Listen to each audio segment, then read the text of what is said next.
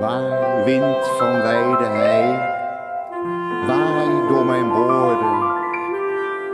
Waai, heiwind, waai, waai door mijn stoffige ziel.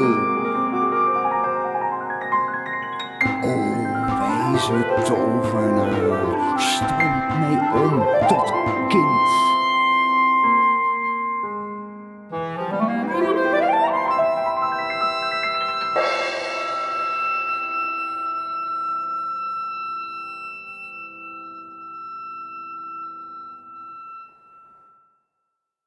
Naar aanleiding van het uitkomen van een nieuwe verzamelbundel en de biografie van Lucien Custers schreef Aleid Truijens in de Volkskrant van 15 juni 2018 Hij is de enige onversneden mysticus in onze literatuur. Of we moeten teruggaan naar de 13e eeuwse Harewieg en haar visioenen. Hij gold decennia lang als geheimtip onder poëzieliefhebbers en Neerlandici.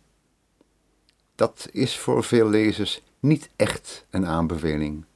Net zo min als het pseudoniem Advaita, de titel van de bundel Brahman en het aanstellerige, zelfbedachte accentje in zijn echte naam Dermau. Maar wie deze dichter griezelend terzijde legt, mist gedichten die tot de beste uit de Nederlandse literatuur behoren. En zo is het. Blijf luisteren dus.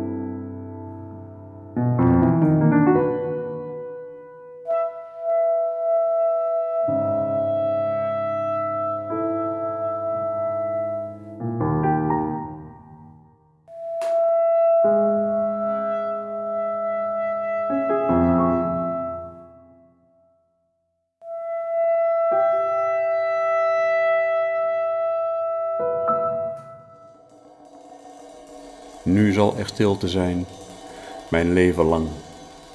De tijd zal voorzichtig zijn vlucht vertragen, dat niet zijn elste suizen mocht verjagen, wat dwaas ik koos boven haar sprookjes zang.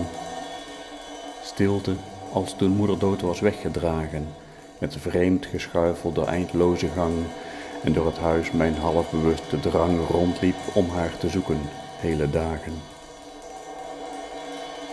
Als in een winkel zag ik de meubels staan en boven één stoel, pijnlijk zichtbaar, hing leegte waarin mijn blik gestadig viel, nog niet gedragen door herinnering. Zo kijkt als uit een boek mijn denken me aan en ik voel me een vreemdeling in mijn eigen ziel.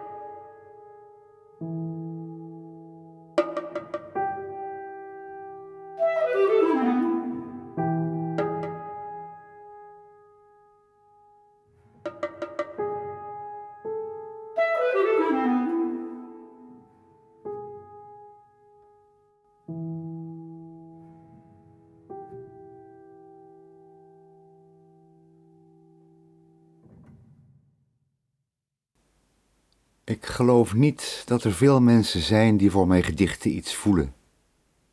Ik denk ook te weten waardoor dat komt. Om te beginnen, in mijn gedichten verwijs ik naar allerlei vreemde dingen. Persoonsnamen en termen uit de klassieke oudheid, de Bijbel, Oosterse en Westerse filosofieën, exacte wetenschappen, klassieke muziek en literatuurgeschiedenis. Ik sprak enthousiast over het Parthenon, hoe het op verende berg zweefde als een blank snaarinstrument, dat door zijn zuilen rank de wereldlucht tot aan de horizon maakte tot één akkoord van marmeren klank. Toen plotseling een draaiorgel begon, door de open deuren, dwars over het balkon, te spugen zijn kweldraderig gejank.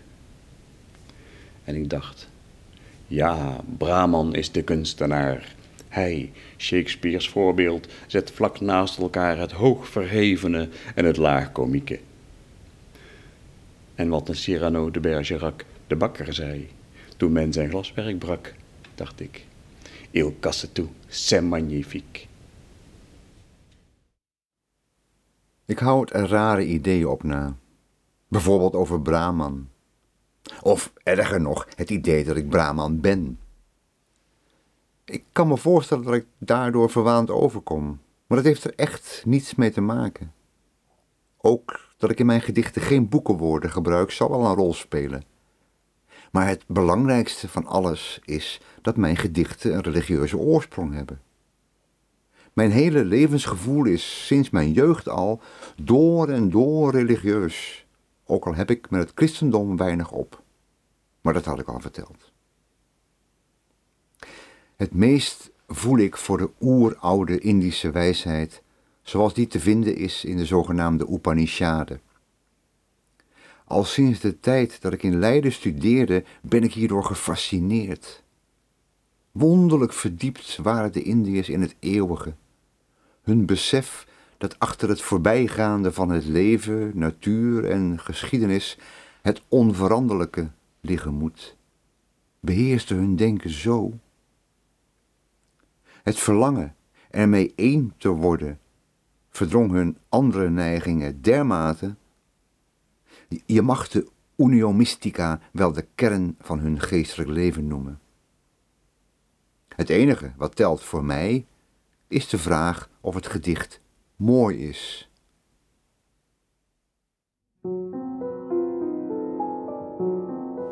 Dof violet is het west en paarsig grijs. Nog wandel ik door het zwaar berijpte gras en hoor naast me op de vaart het fijn gekras van schaatsen over het hol rinkelend ijs. Ik heb het gevoel of ik op het bevroren glas, cirkelend, zwevend en zwenkend op kunstige wijs, met het buigend bovenlichaam daal en reis.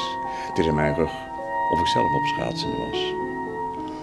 Zo hoop ik dat langs wiens geest mijn verzen glijden, alleen in paren of in lange rijen, schommelend op maat en rijm van Hollands staal. Dat hij de wind die mij droeg zelf hoort waaien en het fijn slieren en het heerlijk brede zwaaien voelt van zijn eigen stemming in mijn taal.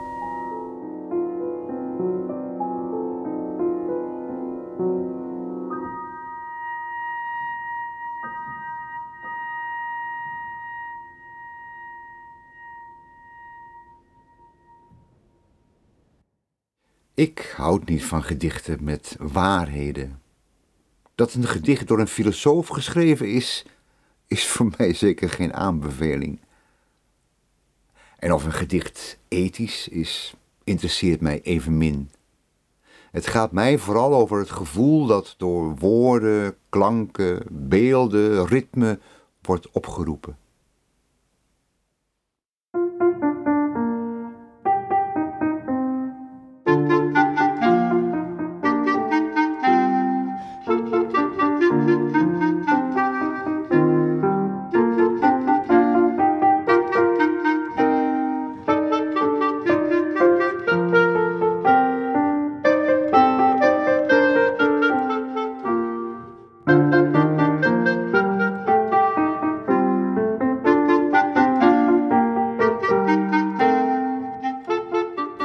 Savez qu'il disait, le boulanger dans Cyrano de Bergerac Écoutez, il castou c'est magnifique, il castou c'est magnifique, il castou c'est magnifique. Cyrano de Bergerac. oh, c'est magnifique, il casse tout, tout, hein, il casse tout.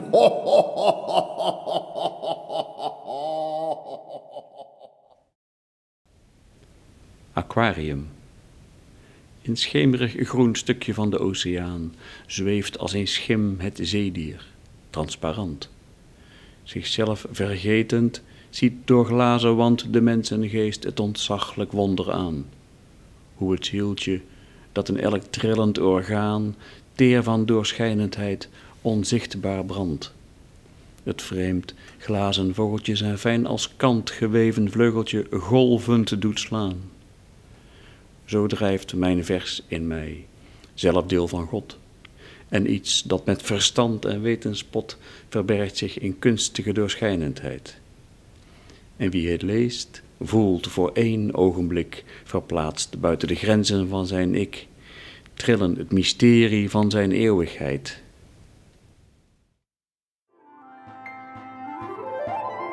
Tot zover episode 6, hoog verheven en laag komiek.